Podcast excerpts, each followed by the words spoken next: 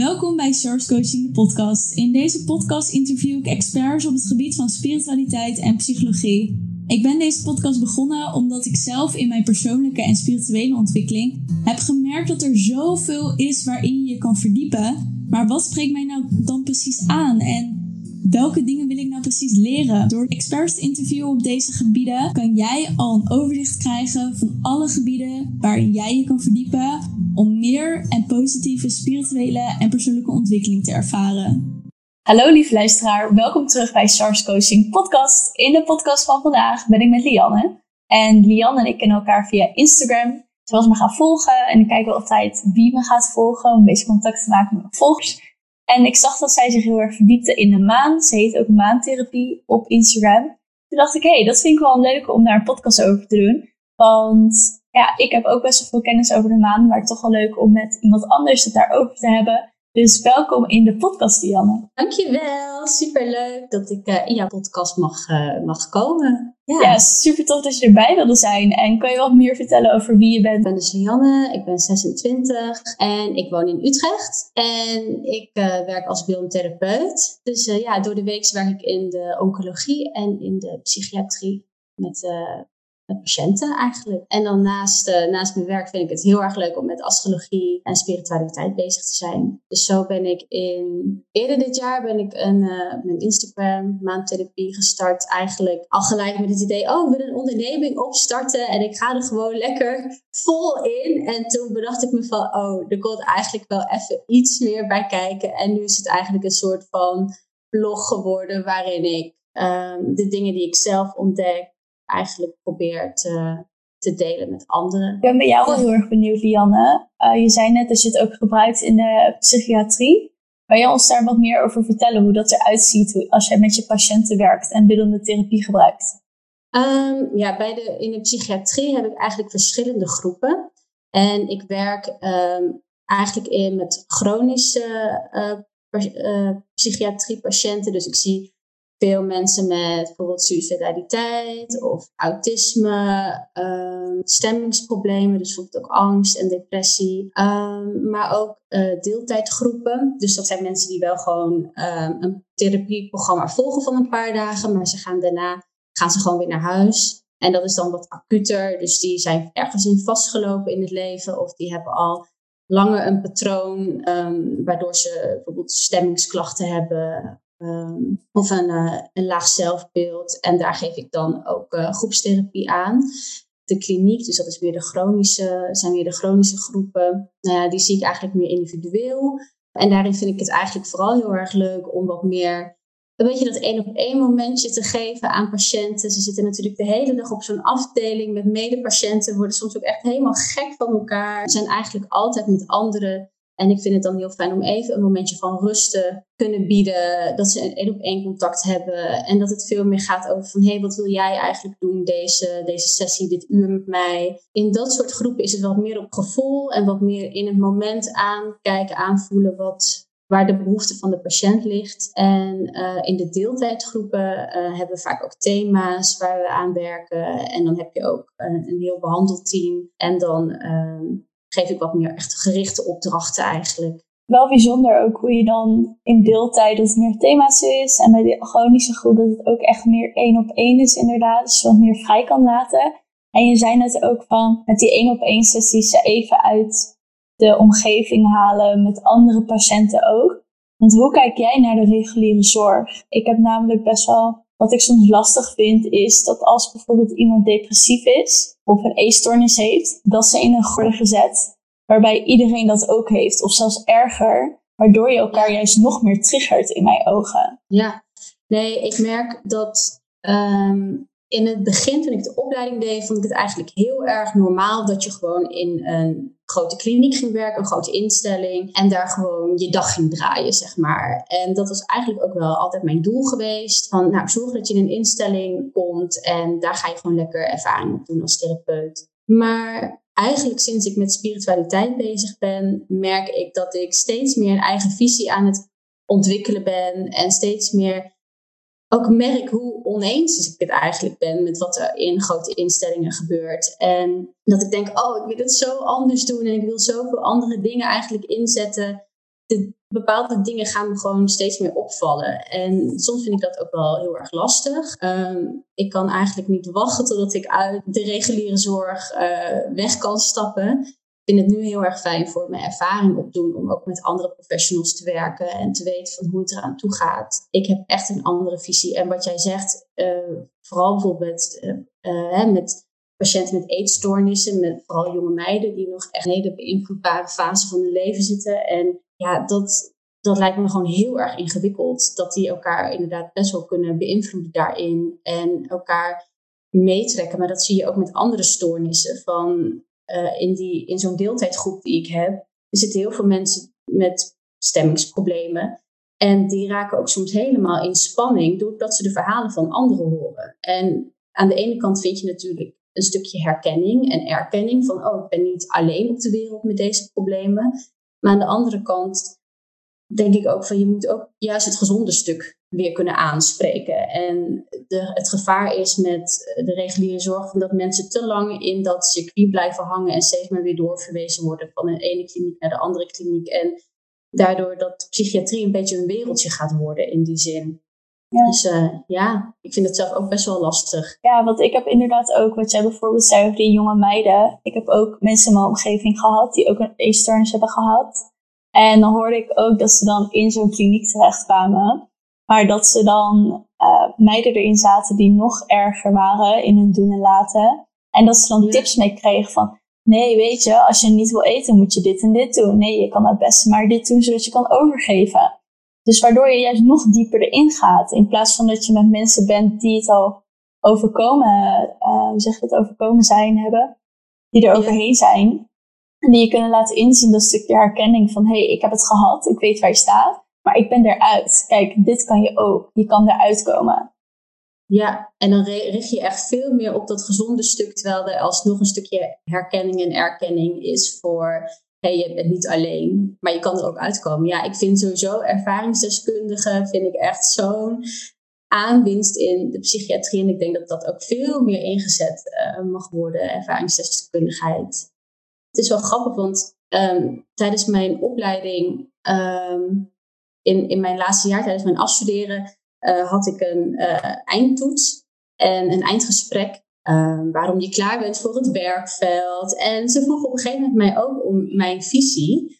En toen zei ik ook tegen ze van ja, eigenlijk zie ik het zo voor me van dat je ook als therapeut zijn veel meer je eigen stukje, je eigen ervaring kan gaan delen. Ehm, ook met patiënten. En niet in de zin van nou, ik ga als heel gelijkwaardig ook mijn trauma's of mijn uh, moeilijkheden delen, maar wel dat stukje meegeven van hé, hey, ik snap, um, ik ben ook mens en ik snap dat en ik kan uit ervaring met je daarover praten, zonder dat het heel erg over mij zou hoeven gaan.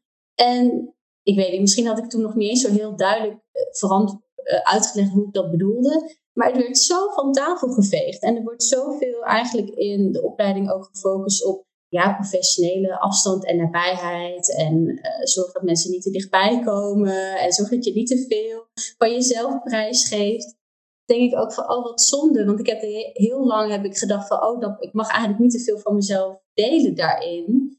En nu ik eigenlijk op Instagram ook nou, bijvoorbeeld jouw verhaal volg en van heel veel anderen, denk van, oh dat kan eigenlijk best. Je kan best wel je eigen ervaring inzetten om te connecten met mensen. En ik denk dat in de hulpverlening dat een van de belangrijkste dingen is. Dat je die relatie, dat contact met de ander, die verbinding die je met elkaar uh, kan maken. Um, ja, ik weet niet meer precies waar ik hier opeens op kwam, maar er is zo'n pingetje in mijn hoofd.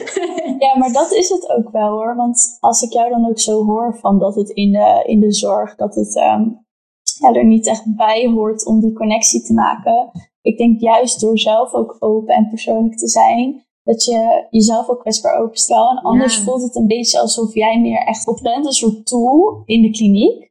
Van oké, ik ben hier om je een stukje verder te helpen of inzicht te krijgen of even een momentje te geven, maar dat is het. Weet je wel? Ja. Van ja, echt die afstand inderdaad. Van meer dan dit ben ik niet voor je. Terwijl als je juist ook jouw gedeelte erin gooit, juist dat persoonlijke, dan voelt die persoon ook meer connectie. En dan heb je juist misschien dat hij meer gaat delen en dat daar een soort van uh, ja, precies. draai in komt. Mooi. ja ik, vind, ik vind die wisselwerking gewoon heel erg belangrijk. En ik denk dat dat ook, dat als ik zelf een keer uh, echt iets ga ondernemen, dat dat ook veel meer in, uh, in terug mag komen. En dat vind ik überhaupt in de zorg wel, dat dat wel wat meer mag. Dat, ja. dat het wat persoonlijker mag, ook vanuit de behandelaren. Ja. Ja, sowieso. Dat mag echt. En wat ik ook wel mooi vond, wat je zei net van toen ik meer bezig ging met uh, spiritualiteit, veranderde mijn visie. Uh, ook wel meer op de reguliere zorg. Kun je ons misschien meenemen in hoe jij je spirituele reis bent begonnen en wat er voor jou veranderde op dat moment? Ja, het is eigenlijk dus nog niet eens zo heel erg lang geleden dat ik aan mijn spirituele reis ben begonnen. Um, sowieso kom ik uit een best wel christelijk gezin. Niet dat we heel erg actief erin waren, maar um, ik weet nog dat in, een, uh, um, zo'n vriendenboekje van vroeger. Um, toen had ik dat mijn oma gegeven en die, wil, die weigerde dus haar sterrenbeeld op te schrijven, omdat ze vond dat dat niet van God was. En, dus ik had altijd al een beetje het idee gehad van dat het een beetje, ja, een beetje verboden was of zo. Maar toch trok ik af en toe dat ik even een sterrenbeeld ging lezen. En um, toen vorig jaar, ja, maart 2019, toen was ik op een symposium voor beeldende therapie. En er waren ook heel veel antroposofische uh. En dat werd opeens heel veel aangehaald. Ik van, oh, wat interessant. Wat is dat dan? Archetypes. En toen was er een psychotherapeut, geloof ik. Hij was een heel verhaal aan het vertellen. En die vertelde op een gegeven moment over een casus waarin hij het had. Hij liet ineens het woord shamanisme vallen. Hij kon connecten met die vrouw, want die was een verhaal aan het vertellen. En hij bevestigde haar in haar verhaal door te zeggen: Oh, dat deden de shamanen ook. Hij zei zoiets ik weet niet wat er gebeurde, maar er ging opeens voor mij een soort van poortje open dat ik dacht, wow, wat vet. Doordat hij wist over shamanisme, kon hij iets bestendigen in hun relatie, in hun behandelrelatie. Dus het is helemaal niet, het kan best wel helpend ook zijn voor mij als therapeut om mij in dit vak, om hierin te verdiepen. En omdat ik eigenlijk onderliggend een soort fascinatie er al voor had, maar er niet echt iets mee durfde te doen, was dat opeens een deur die open ging. En vanaf dat moment heb ik een eerste boek gekocht. Toen heb ik een lidmaatschap op de Happiness genomen. Heb ik een Leef met een maandtraining gedaan. En toen kwam ik erachter dat je um, naast een zonneteken, een maanteken, ascendant en allemaal andere planeten hebt die in bepaalde tekens staan. En nou ja, toen ging de hele spirituele wereld voor me open eigenlijk. Doordat hij het woord shamanisme zei, ja, dan denk ik echt, dan had ik daar bij moeten zijn en dat moment mee moeten maken. En uh, toen in mei dit jaar, toen dacht ik, ik wil beeldende therapie en spiritualiteit en astrologie wil ik gaan combineren met elkaar. Um, ja, maar dan heb ik eigenlijk wel mensen, mensen moeten mij kunnen vinden en moeten een beetje weten wat voor een persoon ik ben. Nou, ik ga een Instagram-account maken en dan ga ik daar mijn dingen in delen, zodat als ik een keer iets ga lanceren, dat mensen me al een beetje kennen. En toen dacht ik van, oh, ik ga even drie keer wat posten en dan ga ik gelijk een workshop organiseren. Ik, ik dacht daar gewoon heel makkelijk over van, oh, dat doe ik even. En, maar goed, tegelijkertijd kwam ik er ook achter dat het allemaal veel complexer was. En dat ik eigenlijk ook zo ontzettend veel niet weet. En eigenlijk is daarin, vanaf dat moment dat ik mijn Instagram heb gemaakt, ben ik er dagelijks mee bezig. En um, is het voor mij ook een hele stok achter de deur om weer nieuwe dingen te lezen, um, nieuwe boeken te lezen, podcasts te luisteren, YouTube-video's te kijken, om met interessante posts te kunnen blijven komen. En het is eigenlijk voor mij net zo'n leerproces waar ik hoop dat anderen er een beetje op mee kunnen liften, zeg maar. Um, maar het is echt voor mij een win-win. Voor mij werkt het sowieso heel goed om heel praktisch bezig te zijn. Ik kan heel moeilijk um, lang met een, bijvoorbeeld in een boek lezen en dat dan ja, op die manier mee bezig zijn. Voor mij werkt het heel goed dat ik um, iets moet lezen, heel gericht naar iets ga zoeken en er dan over moet gaan schrijven. En dan ook nog in die beperkte woorden van een Instagram-post het moet zien te passen. Dus dat is voor mij, werkt dat echt perfect. Uh, ja. En ja, sindsdien uh, is eigenlijk mijn spirituele reis echt een onderdeel van mijn dagelijks leven geworden. Ja. Ja, super cool. En ook mooi hoe je beeldende therapie met spiritualiteit en astrologie wilt combineren. Tot al aan het doen bent. Ook wel een hele mooie combinatie die je daar hebt gepakt. Dat lijkt me ook zo'n toffe combinatie. Maar ik moet nog een beetje mijn weg vinden in hoe ik dat precies wil gaan doen. Het zit nu allemaal nog een beetje in mijn hoofd. Dus die stap naar buiten treden en in de praktijk en het echt ja, gaan manifesteren eigenlijk in de echte wereld, dat, uh, dat is nog een beetje zoeken. Maar dat uh, is ook een mooi proces, vind ik. Ja, en die hoe komt vanzelf wel. Je weet toch wel dat je onderweg bent naar die finish. Laat maar zeggen, naar die hoe. Hoe het in je hoofd zit. Dus dat komt vanzelf. Dat is, uh, dat is ook de magie van manifestatie. Ja, zeker. Zeker. En je zei net ook, zei je ook van ik christelijk opgevoed. En daar ben ik ook wel nieuwsgierig naar, want heb zelf al een aantal mensen die uh, ook interesse hebben in spiritualiteit of maar christelijk zijn opgevoed of um, uh, zo, dus heel erg christelijk zijn opgevoed en katholiek zijn opgevoed. Zo. Die dachten mhm. ook wel eens even kwijt. En die lopen er best wel tegenaan dat zij inderdaad zijn opgevoed met spiritualiteit. Dat hoort niet. Weet je wel, net zoals jouw oma zei, sterrenbeeld, God heeft dat niet zo gedaan. Dus dat ga ik niet opschrijven ben heel erg benieuwd hoe jouw uh, reis daarin is geweest om je open te stellen voor spiritualiteit, terwijl je ook nog ja, christelijk bent opgevoed. Ja, nou, ik merkte eigenlijk vroeger al dat mijn ouders waren daar op zich wel mee bezig en die haalden er heel veel kracht uit. En dat ik altijd zoiets had van, ik voel dat gewoon niet. Ik heb altijd wel dat gevoel gehad van, wat jullie voelen, wat jullie daarin ervaren, dat, ik weet niet, ik voelde gewoon niet zoveel bij. Ook als ik dan bijvoorbeeld ging bidden of zo, dan dacht ik, ik voel die wisselwerking eigenlijk helemaal niet of zo. Ehm, en daardoor ben ik er steeds wat minder mee bezig gegaan. Maar er zat altijd een soort van stemmetje in mijn hoofd van, je bent te weinig met God bezig. Of je doet daar te weinig mee. Of je doet het niet zoals het hoort. Ehm, en daarbij kwam ook nog wel dat ik soms het idee had dat ik mijn ouders, vooral mijn moeder, zou teleurstellen als ik echt zou afstappen daarin. Ehm, omdat zij dan misschien bang zou zijn dat ik van eenmaal van God los zou gaan of uh, niet in de hemel terecht zou komen. En dat is dan, weet je, ook een beetje mijn eigen angst, weet je, om dat dan echt los te laten. Want je hebt altijd meegekregen van dit is wat goed is en dat is niet goed of dat is fout of uh, dat is zondig. En um, nu waren mijn ouders niet heel erg streng daarin, maar toch plant dat zaadje zich ergens in je hoofd en is het heel best wel lastig denk ik om, die, om daarin los te komen. Maar op een gegeven moment merkte ik ook van ik doe er eigenlijk niks mee. Um, en toen kwam dit op mijn pad en toen begon ik juist te voelen hoe toen begon ik juist dat goddelijke en dat magische en dat spirituele heel erg te voelen. En eigenlijk steeds meer. En voor dat, ja, persoonlijk vind ik dat wel lastig, want ik heb het aan mijn moeder proberen uit te leggen van dat eigenlijk haar God en wat ik het universum of de bron of hoe je het ook wil noemen, dat dat eigenlijk niet anders is van elkaar.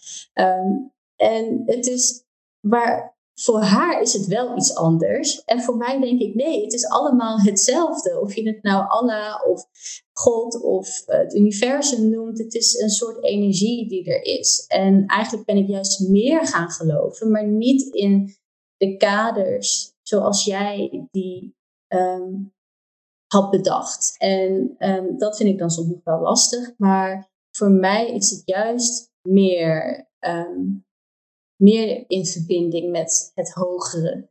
Um, en op die manier kan ik het ook uh, beter uh, toelaten, ook voor mezelf. Van ja, nu ben je juist aan het voelen en aan het verbinden. Um, ja.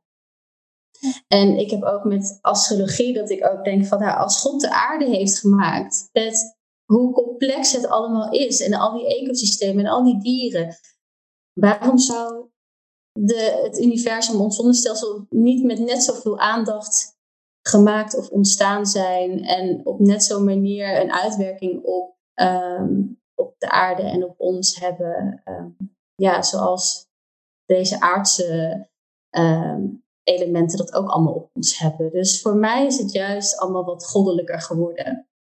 Ja, mooi. Ik vind het ook heel mooi hoe je benoemt dat het eigenlijk allemaal hetzelfde is, weet je wel. God, Allah, de bron, het universum, maakt niet uit hoe je het noemt. Het is toch een bepaalde energie waarmee iedereen zich in contact voelt. En ik heb zelf, ik ben niet gelovig opgevoed, maar als ik andere mensen verhalen hoor en hoe ik er naar kijk, is het ook dat ik het gevoel heb dat bij het uh, christelijk en katholieke geloof, dat het ook, wat jij net ook benoemde, kaders. Je bent opgegroeid in bepaalde kaders van dit is goed, dat is niet goed. Je moet hierin geloven. Als je dit doet, dan ga je niet naar de hemel. En er zitten best wel veel uh, regels ook aan vast. Om uh, ja. goedgekeurd te worden, tussen haakjes, door God. Want als je hier niet naar luistert, dan ben je niet uh, goed genoeg voor God of voor de hemel. Terwijl juist in spiritualiteit maak je nog steeds een verbinding met die energie, maar niemand keurt het af als je iets anders doet. er zijn geen regels. Het is meer je eigen ontdekkingstocht en je eigen ruimte om te connecten met die energie die we allemaal voelen. met te geloven is het gewoon, het is zo erg veranderd door de duizenden jaren heen in bepaalde kaders en stukken van hoe het hoort te zijn om mensen in dwang te houden, in mijn ogen. Van dit is hoe je hoort te gedragen. En als je dat niet doet, dan word je dus, hoor je niet bij God of dan hoor je niet bij ons. Ja, ik heb uh, een tijdje terug een uh, YouTube-kanaal ontdekt en die legt heel erg, dat is een vrouw en die legt echt heel erg goed allemaal spirituele dingen uit. En het gaat over van meer in contact komen met je intuïtie tot uh, reïncarnatie en karma. En ze had het dus ook op een gegeven moment over God. En um, wat zij heel erg mooi zei, was van dat je vanuit, soms kan je vanuit religie echt een soort van, um, dat God een soort autoriteit wordt en die gaat oordelen over wij die lager staan, of wij het goed of fout hebben gedaan. En vanuit spiritualiteit, of hoe ik het nu ervaar, is het veel gelijkwaardiger. Wij hebben die, al die energie in ons en beoordeeld, desnoods door onszelf vooral. Ehm, maar niemand keurt ons af. En um, het is allemaal, ja, nu klinkt het natuurlijk super zweverig, maar het is allemaal liefde en magie waar we uit uh, bestaan. En we mogen allemaal die reis maken om te vinden om uit te vogelen van op welke manier het voor ons het beste past om te verbinden. En weet je, met, voor sommigen werkt het christendom of uh, katholiek zijn werkt heel erg goed. En voor anderen wat minder. Het is ook niet per se goed of fout, maar ik vind persoonlijk die gelijkwaardigheid die ik voel in spiritualiteit, vind ik heel erg fijn. Ik heb nu niet het gevoel van, oh, misschien kom ik straks wel op een nare plek terecht omdat ik niet goed genoeg ben geweest. Ja, ik denk dat je daar echt de spijker op zijn kop slaat. Want dat is ook uh, wat ik ervaar sinds ik bezig ben met spiritualiteit en alles wat ik heb gevoeld en heb meegemaakt. En dus ook vooral met spiritualiteit. Het is niet eens zweverig of spiriwiri. Het is meer van je moet het zelf ervaren om door te gaan hebben dat het er is. En dat het echt bestaat. Zodat je het gaat begrijpen. Want anders klinkt het inderdaad een beetje onbereikbaar of heel afstandelijk van je. En wat ik heel mooi vind dat je zegt, is dat het inderdaad een ondersteuning is van. Dus ik voel me ondersteund omdat ik weet hoe het in elkaar zit. Dus ik weet hoe dingen veroorzaakt worden. Of ik weet wat ik kan creëren voor mezelf. Of wat daarvoor nodig is. En ik weet ook dat ik altijd ondersteund ben en dat ik altijd uh, mijn gidsen heb die me leiden naar bepaalde wegen. Ja. En wanneer je dat door gaat hebben, wordt het inderdaad die energie die je voelt, die universele energie, het universum, bron, et cetera, dan voel je je ondersteund. In plaats van, zoals jij mooi benoemd uit, die, uit dat filmpje, is het niet van een autoritair persoon die jou vertelt wat je moet doen. Want dat heb, daar leeft al veel te veel in met autoritaire personen, ja. persoon met coronacrisis, die ook zeggen van dit is hoe we gaan leven. Je luistert hier maar naar, er is geen andere mogelijkheid, anders krijg je een boete of dit of dat. Dus dan is het juist toch fijn dat als je een bepaald geloof en een bepaalde community, dat je het gevoel hebt, ik word ondersteund. Alles mag er zijn, ik mag er zijn, weet je wel. Er is geen goed en fout. Ja. Wat jij ook net zegt van, uh, het is niet zo dat ik niet goed genoeg ben geweest en daardoor naar de hel ga. Je mag gewoon jezelf zijn, je mag er gewoon zijn. Ja, ja, echt mooi. Om het hierover te hebben, ja. Ja, ik denk ook wel dat het een heel belangrijk onderwerp is ook om bespreekbaar te maken. Omdat ik het gevoel heb dat er best wel mensen zijn die er tegenaan lopen. ik heb ook mensen gehad die mij, met mij wilden samenwerken omdat ze zich zo aangesproken voelen tot spiritualiteit. Maar zich dan angstig voelden omdat het niet klopte vanuit hun geloof. Dat hoort niet of dat past niet of hun ouders of opa en oma hadden een oordeel erover. Dus dat is ook wel even ja, durven om daaruit te stappen en toch die zoektocht voor jezelf aan te gaan. Ja, het is echt super spannend inderdaad om dat stukje los te laten. Want dat is waarschijnlijk iets wat je al vanaf zo jong hebt meegekregen. Ja. Want hoe kijkt jouw oma er nu tegenaan? Dat je spiritueel bezig bent of dat je astrologisch bezig bent? Nou, volgens weet ze dat uh, niet. ja, nee, ik heb het vooral nu met uh, mijn moeder er wel gewoon over uh, gehad en dat verteld en zo. En um, ja, ik zie dan wel dat ze, dat ze dat wel lastig vindt. Omdat, ja, ja, wat ik net zei, voor haar is het wel echt iets anders. Um, maar ja, mijn moeder is dan toch ook wel weer zo dat ze zegt ja, weet je, dat is dan wat voor jou goed voelt. En uh, ja, ik kan daar verder ook niks van vinden of je daarin tegenhouden. Dus doe jij je ding. Ja, dus dat is wel heel fijn. En soms worden dat soort dingen ook groot in je hoofd. Hè? Van hoe, hoe je een ander misschien gaat teleurstellen. Of ja, je kan heel erg veel gaan invullen voor een ander. Je probeert je in te dekken en alvast schrap te zetten voor de reactie die je krijgt. En soms klopt die dat ook wel met hoe je, wat je verwacht dat er gaat komen. En soms valt het ook wel heel erg tegen. Uh, valt het ook heel erg mee eigenlijk. En zijn mensen best wel supportive daarin. En vooral als jij. Nou ja, ik denk dat vooral dat het niet eens zo heel veel meer uitmaakt of een ander het goed of afkeurt. Als jij er zo 100% achter staat. Als jij denkt van ja, maar dit is het gewoon. Ik, je kan ervan vinden, maar dan ga je echt voelen dat je in je eigen kracht eigenlijk staat. En dat je daarin steady bent. Ehm, ja, dus dan kan niemand je ook weer omverblazen. Ja, mooi dat je die ook benoemt. Want uh, afgelopen weekend heb ik een gratis event georganiseerd met vijf andere ondernemers. En Eveline had een workshop gegeven over je dromen realiseren. En toen stelde iemand inderdaad de vraag dat zij, um, dat wilde ze ook wel doen. Dus wij een aantal maanden naar het buitenland. Alleen uh, ze wist niet zeker hoe de ouders erop zouden reageren, want misschien wilden die dat niet.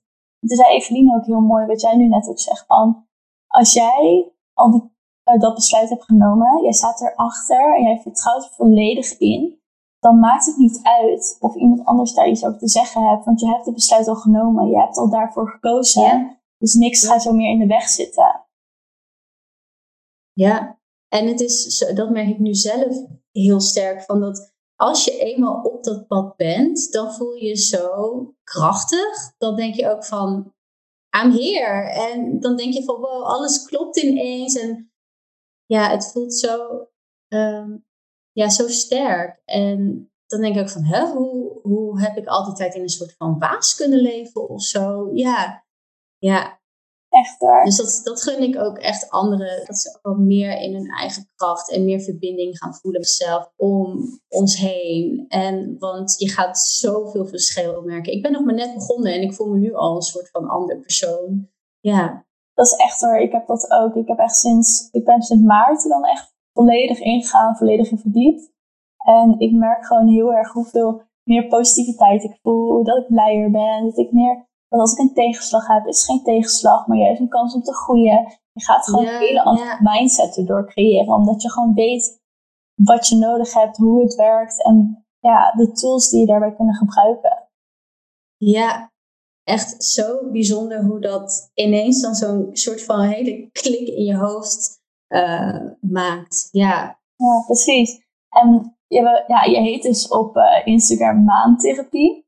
Natuurlijk ook ja. de reden dat je de maan er waarschijnlijk ook bij betrokken hebt, ook in je naam. Wil je daar misschien wat meer over delen wat de maan voor jou uh, tot nu toe heeft betekend? Of waar, waarom je interesse daar ligt? Um, nou, ik had een naam gekozen um, omdat ik de maan natuurlijk ja, dat is natuurlijk het hemellichaam wat gaat over onze intuïtie en over ons gevoel, over onze emotionele behoeften.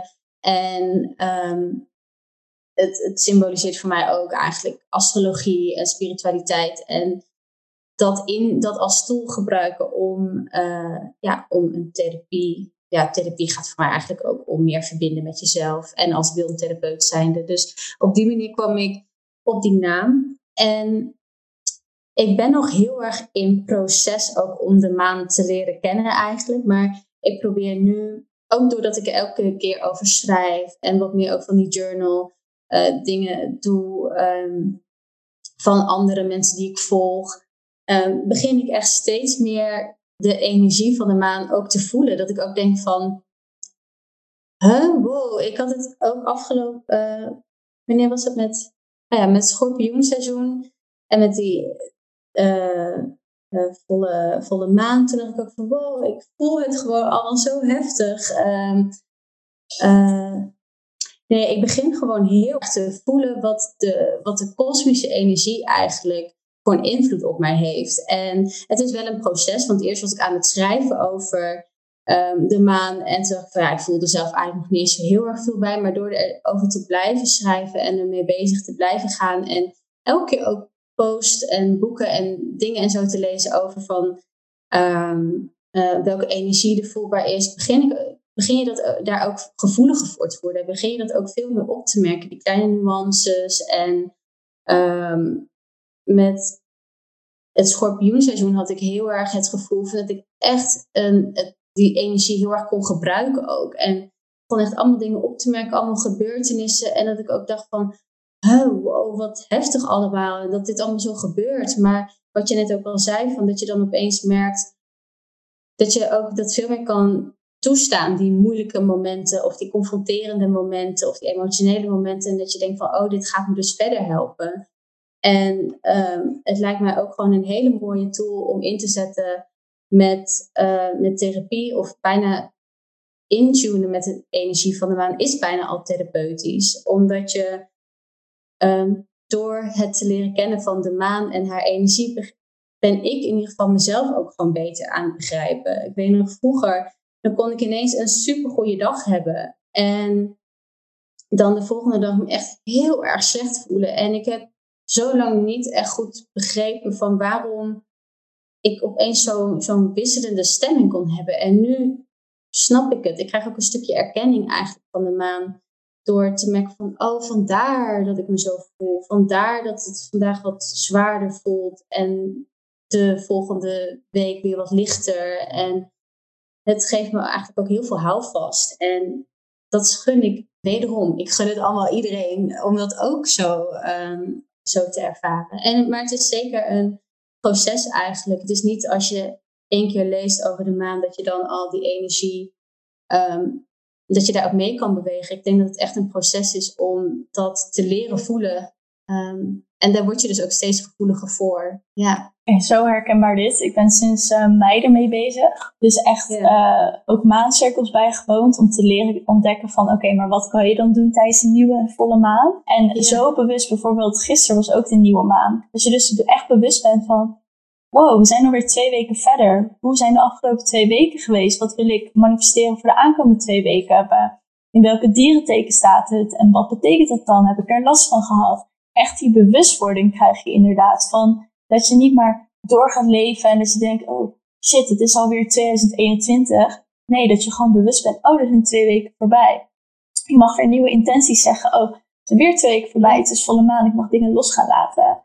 En het is zo mooi om daarmee te gaan leven. En ook, uh, ik ben dan nu een maand gestopt met anticonceptie. En ik heb dus ook, uh, ja, bij vrouwen kunnen ook heel erg connecten met, uh, met de maan. Dus ze noemen het ook wel een moon cycle. Dus dat je ongesteld wordt met de volle maan. Dat lijkt me ook gewoon super dat je echt met die volle maan en nieuwe maan ook meeleeft. Dan menstrueert met de volle maan. Echt denk, oké, nu is het tijd om los te laten, om rustig te doen. En echt met de natuur gaan leven. Zo zie ik het ook.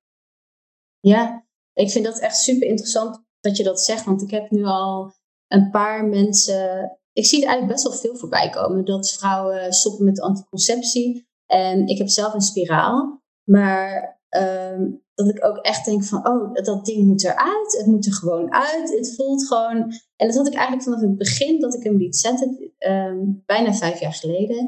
Dat ik ook zoiets had van, wow, dit voelt zo raar. Dat ik iets niet natuurlijk zo in mijn lichaam heb zitten. Um, en dat ik ook denk van, ja, hij gaat eruit. Ik wil echt weten nu, ik ben heel nieuwsgierig van of ik verschil ga voelen. En ja, ga je echt voelen? Effect, ja, ik geloof het meteen. Maar om op die manier ook wat meer op je natuurlijke ritme ehm, in te checken, zeg maar. In plaats van dat kunstmatige, op een kunstmatige manier. En eigenlijk als je er diep over nadenkt, is er met birth control echt nou ja, dat schommelt eigenlijk aan alle kanten waar je, waar je denkt van, oh, dit is eigenlijk echt zo niet oké. Ehm, dus ja, jij bent daar trouwens wel een van die me daar heel erg toe heeft geïnspireerd om daar wat bewuster over na te denken van, oh. ehm, ja, wil je dit eigenlijk nog wel op deze manier? En sindsdien zie ik het dus echt op veel plekken weer terugkomen en denk, ja, Best van aantrekking. Uit. Ja, ja, ja. Ja, ik ga ook met een vriendinnetje van mij, die is hormoontherapeuten. Die helpen nu ook om uh, hormoondisbalans, om dat weer recht te zetten. Want ik heb dan een prikpil gehad. Dus ik heb meer um, oestrogeen aangemaakt dan prostrogeen. Dus dat zorgt dus voor dat je dus geen, uh, dat je niet meer menstrueert. En uh, ook is het zo dat het je botten, dat je minder calcium aanmaakt, dus dat gaat uit je botten. Er zijn eigenlijk best wel veel gezondheidsklachten die je kan krijgen op een gegeven moment. Dus met dat vriendinnetje heb ik nu eens een plan voor mij opgesteld om ook bepaalde supplementen te nemen, zoals uh, maca poeder en extra omega 3 en nog vier andere poeders, uh, natuurlijke producten. Om dat te nemen om die hormoondisbalans weer in balans te krijgen zodat je dus ook menstrueert zonder klachten. Want wat zij ook heel mooi zegt, is dat klachten bij menstruatie, die zijn niet normaal. Ik heb bijvoorbeeld heel veel doorbloedingen en echt gewoon een waterval kwam eruit. Dat ik gewoon ook in een winkel stond en dat ik ontzettend doorlekte, gewoon midden in de winkel. Ja, dat is gewoon niet. Ja, dat is gewoon niet normaal. Dat is ook echt niet leuk. Ja. En dan durf je ook gewoon bijna niet de deur uit, omdat je niet weet wanneer ben ik ongesteld en hoe erg wordt het. Uh, maar dat soort klachten zijn niet normaal. Er is dus dan een hormoniaal disbalans. En die kan je dus op een natuurlijke manier weer terugkrijgen. Dus als je gaat stoppen, zou ik ook echt um, ja, bijvoorbeeld een hormoontherapeut inlichten daarvoor. Om te checken van oké, wat is er misschien uit disbalans gegaan. En ook, ik heb ook een boek uh, gelezen. Nou, ik weet hem even niet meer. Ik zal na de podcast naar je sturen voor de luisteraar in de, in de show notes. Maar die heeft me ook wel inzicht gegeven dat echt je cyclus, dat het echt een, uh, een soort van uh, seizoenen zijn. Dus als je ongesteld wordt, dan is het winter. Dus dan moet je even wat rustiger aandoen en wat meer de tijd voor jezelf nemen. En als het zomer is, dan ga je lekker actie ondernemen. En dat is dus het mooie, als dat gelijk loopt met de maancyclus, dan klopt het ook met de kracht van de maan. Dus met uh, volle maan, als je dan ongesteld wordt, dan volle maan staat ook voor loslaten, rustiger aandoen. Nou, als in je cyclus zou het dus winter zijn, dus dat is ook rustig aandoen. Met een nieuwe maan, dan is het juist zomer en tijd voor actie. En nieuwe maan staat ook voor nieuwe plannen en nieuwe intenties. Dus dat is super mooi als dat met lijk loopt. Mooi, ja. ja.